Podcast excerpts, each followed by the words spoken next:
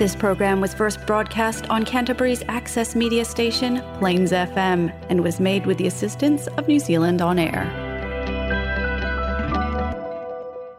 O te fia whaelo atu o leo mawhatasi ma le fionga le tamai tai whai pule, Honourable Dr. Megan Woods, o ia o le whai pule le tu malo wha apalo te Wickrami i kalai stete nei, talu mai le tau sanga lua o ta stasi. A le i wha ata peina le pale mene mo le whainga apalota o lo lo nei, sa ave o ia ma minista o fale ngā luenga te teile le malo, malo si anga mapuna oa, tūlanga tau whaunga fale, ma sa ave fo ma minista lango lango tupe. O le le kalamela tamai tai whai pule tu tau o lo ele vai ngā o whai re leipa. Ai mai se o ngā o nei mō tangata Samoa le Pasifika. It's a pleasure to introduce to you our guest for our Samoa Feso'ota'i Samoa Connection program today the Honourable Dr. Megan Woods, local member of Parliament for Wigram in Christchurch since 2011. She is the Minister of Housing, Infrastructure, Energy and Resources, Building and Construction, and Associate Minister of Finance. We will be talking about the upcoming elections and the policies of the Labour Party that we think will impact the Pacific community in New Zealand. Talofa Megan, and welcome to the program. Talofa Alex, and it's wonderful to be here with you. Yes, yes, yes, long time no see. The cost of living is the major issue confronting the country at the moment. Uh, Pacifica people are the most vulnerable because of the fact that most of them are in the lower socio-economic bracket. You are taking GST off fruits and vegetables from next year if you are re-elected, saving people $20 a week. National is offering tax cuts and are saying it will benefit some families by up to $250 a week. What other programs in your fiscal plan would help Pacifica people alleviate the impact of the cost of living on them? So the reality, Alex, is for most people who are on low incomes, they're not going to get anywhere near two hundred and fifty dollars a no, week under no. national. It's more like twenty dollars a fortnight if you're on the median income. Mm. So I think one of the important things to remember is what the Labor Party will always fight for is mm. lifting the wages of working people and mm. making sure that people's pay packets mm. have got more money in them. So, for example, in the six years we've been in government, mm. we've lifted the minimum wage by seven dollars an hour. Mm. National's tax cuts by by comparison would lift it by twenty five cents an hour. Mm. So you can see the different kinds of priorities that Labor and National give to people who are on uh, low low and moderate incomes. Mm. But but we have to do some immediate practical things to take the burden off families. Mm. So you've mentioned the GST off fruit and veggies. I think that will make a difference. Mm. The other is removing the five dollar prescription surcharge. Oh, yes, um, yes, so people can go and pick up what the doctors prescribed for them. Mm. I've spoken to too many of our pharmacists and our chemists who say mm. people are coming in and saying, "Should I choose my diabetes medication or should I choose my blood pressure mm. medication?" Now that's free. Mm. The other thing is making bus trips free for children under 13 mm. and half price for people up to 25 that thirteen dollars, um, mm. um, sorry, that free bus fares for under 13s mm. means if kids have to bus to school, it's not costing families anything. Mm. The other is making sure we're delivering those lunches in schools. Yes, um, that that's saving families thirty three dollars a week per child. Mm. So if you've got five kids, that's a mm. substantial co- cost saving of not having to pack the lunch every day. Mm. And Alex, I know lots of our schools have got much better and are having lunches that are much more suited for our Pacifica kids. Yes, yes, yes. One school described it to me as Palangi cafe food at the mm, beginning, yes. but now much more in schools with large numbers of Pacifica kids mm. having the meals that make sense to those families and kids. Mm, thank you. Housing is another pressing issue for Pacifica people, Megan. Most can't afford to buy a house. Most are renting and relying on assistance from the likes of Kāinga Ora. You are the Minister of Housing. What assistance did your government and your ministry give Pacifica people in regards to housing? And if re-elected, what plans have you got for Pacifica people in regards to housing? So we've built the most state houses or Kāinga Ora houses mm. at any point in New Zealand's history since the 1950s. We've added 13,000. A lot of them have been here in Christchurch. Mm. Um, and we know a number of our tenants um, are members of the Pacific community. Mm. One of the things, though, that we're doing is we're looking at the kinds of houses we're building. So we're building ones with four, five, and six bedrooms mm. now because we know larger families. People have big families, yes. Afghan families and Pacific families mm, um, mm. need those larger houses. But the other mm. thing, Alex, is I want more Pacific people to get into home ownership. Mm. So we have some targeted support around how the government can partner with people and shared equity, and particularly our Pacific people. We want to lift those rates of home ownership, and the government is working and partnering with those families mm. to allow them to buy because it changes everything mm. when a family can put down roots and buy a house. Mm. And um, Barbara Edmonds, who's yes. uh, Samoan, and our yes. Associate Minister of Housing, we're starting a really good program in Porirua, where she's mm. based, and I want to see that rolled out everywhere. I want to see more Pacifica people mm. as homeowners, and then they can pass that on to their kids, and their kids can own houses, mm. and it kind of just, you get yes. into that pattern. Yeah. Thank you, Megan. One of your policies is universal dental care. 1.5 million New Zealanders didn't visit a dentist because it's too expensive. Pacifica people would be in that group, Megan. Could you please clarify this policy? Would it benefit only those who are on the benefits or have a community service card, or does it include those who are working?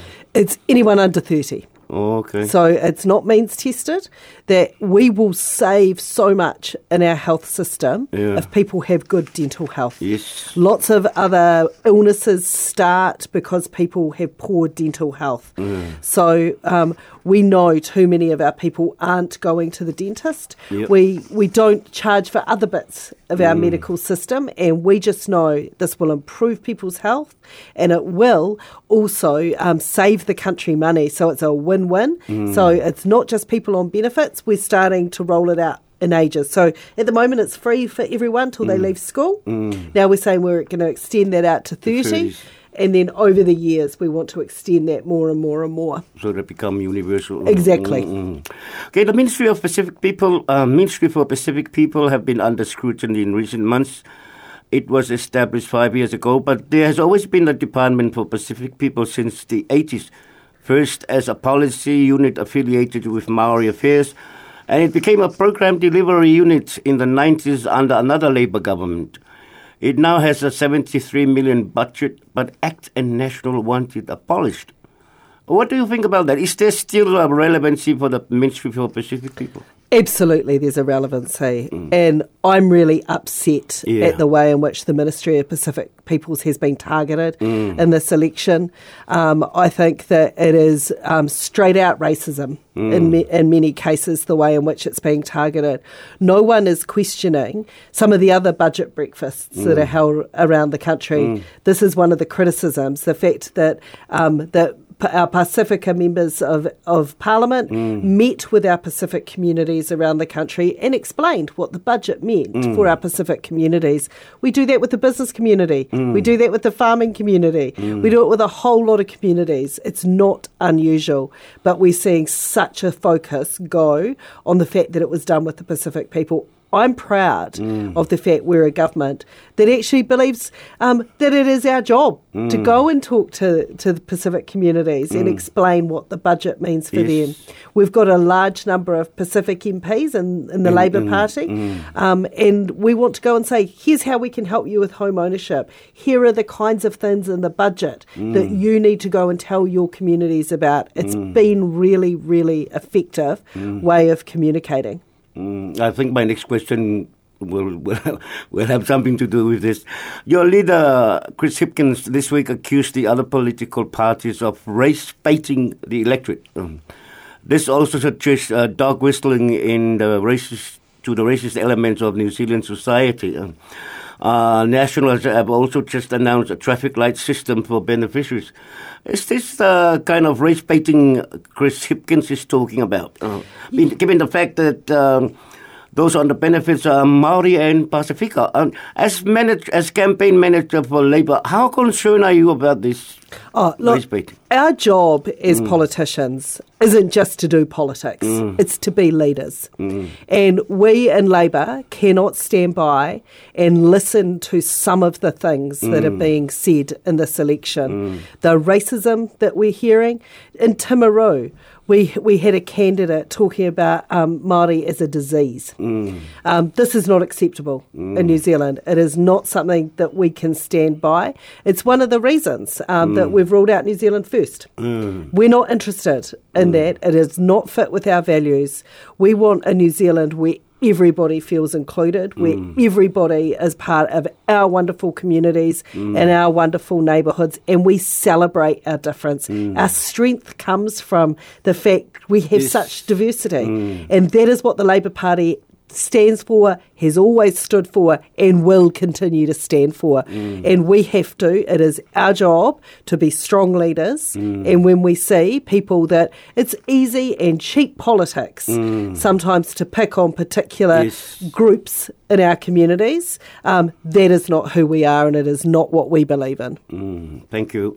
Uh, Labour has released its immigration policy and the super visa for parents and grandparents of New Zealand residents and citizens from overseas is very much appreciated by those affected.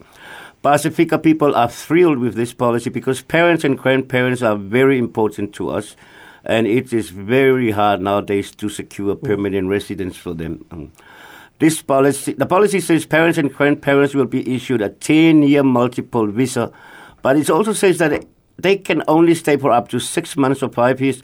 Could you please clarify the conditions for the super visa? 10 year visa, but can only stay for up to five years. So they can, it, the visa lasts for 10 years. Oh, okay. So if it was issued next year mm-hmm. in 2024, it would last to 2034. Okay. You can stay for six months or up to five years, then you need to go away. and then you can back. come back without uh, applying for without applying again. So that visa is open for ten years. Okay. You can come and go mm. as much as you want mm. in that ten year period, and or you can, you can stay, stay here. five years. You can stay up to five years at one go. Oh. So mm. I think it's going to be really good. And Alex, mm. um, you come with a lot of people to my electorate yes, office. Yes, I, I, I, was I was saying that I was going to say that because you know no, um, I, I know that you have helped a lot of uh, Pacific people in regards to immigration, and I thank Kimberly because she is so good She's amazing. helping helping yeah. helping Pacific people, particularly overseas. And, and that's my but, last. But just on that, Alex, so mm. many of the people that we see in the office, it's about exactly this: how do I get my parents here to yes, help when yeah. I've had a baby, mm. or help look after the kids mm. or just spend time together mm. as a mm. family. So yeah. I know what a difference this will make to so many families in Wigram. Yes, Samoan families, Pacific yeah. families for that matter. Yes. Yeah, and that's my last question, uh, Dr. Megan Woods. Uh, you announced in your immigration policy that you are honoring the Dawn Raids apology with action. And that is, you are offering a one off amnesty for overstayers who have been here for 10 years or more and it's not limited to Pacifica people. The feeling among Pacifica people is that you should have implemented the amnesty before the election. The Dawn Raids apology was two years ago. As a senior cabinet minister, can you please explain to my listeners why the amnesty didn't happen in the last parliamentary term when Labour had an absolute majority in the House? So, look, I mean, the, the amnesty needs to be the follow on from the Dawn raids. Mm. The Dawn raids were one of the darkest days in New Zealand's history. Yes. Um, we needed to do some policy work around the length of time, who it would apply to, mm. how it would roll out. So that's why it is now a, an election pledge and something that we've said we will do in our first 100 days. Mm. Um, and I think one of the critical things is that, that um, anyone who's been here for 10 years, that will mean, because we haven't had an amnesty in New Zealand since 2000. Yes. yes. It's been a long time. That will mean that anyone who was a victim mm. of the Dawn raids has then had the opportunity to mm. have an amnesty. Mm. So that kind of rectifies that that piece of our history. Mm. I think that absolutely needed to be. But Alex, one of the things I find the hardest in mm. the electorate office is um, we have a number of families come in that have people who are not here legally, who mm. are overstayers, mm. and it's when their kids are finishing high school mm. and they might want to go to Polytech or they might want to go to university, mm. and that's where it just becomes impossible. Mm. We want to make sure those kids also mm. have those opportunities to yes. be their very best self. Mm. But look, it's going to be a priority for us in our first 100 mm. days, mm. um, and, and it has to be. This is about rectifying a very dark day in New Zealand's history and you are confident that you are going to implement that, that absolutely that, that, that, that policy when one of the first cabs off the rank. Mm. yeah, okay, I'll give you the opportunity, Dr. Woods, to say anything you want to say to the voters out there. So this election is so important. Mm. Um, some of the polls make it look a whole lot more difficult than it is. Mm. We know if the people who are going to benefit most by mm. a Labour led government mm. enrol and vote, we can and will do this. Mm. Voting opens on Monday. It is mm. so important that everybody starts voting from Monday. If you're not enrolled, that's okay. You can you, still go to the yep. ballot booth. You go to the early voting place, and mm. Alex will have the details yep. through the week of yes. where those places are. Mm. Um, that you go there, you can enrol, and you can vote straight away. Mm. And look, all your kids who are over 18, mm. they can vote. Mm. And I think this is so important. We have the choice of um, a Labour led government that is going to continue to look after people mm. or a National Act New Zealand first government that will divide New Zealand mm. and will not have the interests of some mm. of our hardest working families who struggle the most mm. in their best interests. So one thing, Alex, that um, that the National Party have said after June 2025, mm. there will be no new state houses in New Zealand. Oh. They will stop. Mm. We've seen this before. Mm. Last time they were in government, they sold off the state houses, they didn't build any, mm. and they ended up with 1,500 fewer. Mm. We know how important those new, warm, dry homes mm. are for so many of our Pacific families. Mm. There's so many reasons to vote and to vote Labour. So um, I encourage people to go out to enrol and vote for your local Labour MP or candidate and for the Labour Party on the list vote. Okay, thank you very much, Dr. Woods, for coming into the program and all the best for the upcoming election. Can I say one more thing, yep, Alex? Yes. Um, I know for some of our Pacifica people, mm. um, voting on Saturdays, um, for, so if you're a Seventh day Adventist, mm, for example, mm. you cannot vote on a Saturday, mm. but that's why it's so important. From Monday, the 2nd of they October, can they can go and vote on mm. weekdays. Mm. So you don't have to wait to the 14th of October to election day. There's a whole lot of days other than Saturdays that people can go and vote. Okay, thank you very much, Dr. Woods. Thank you.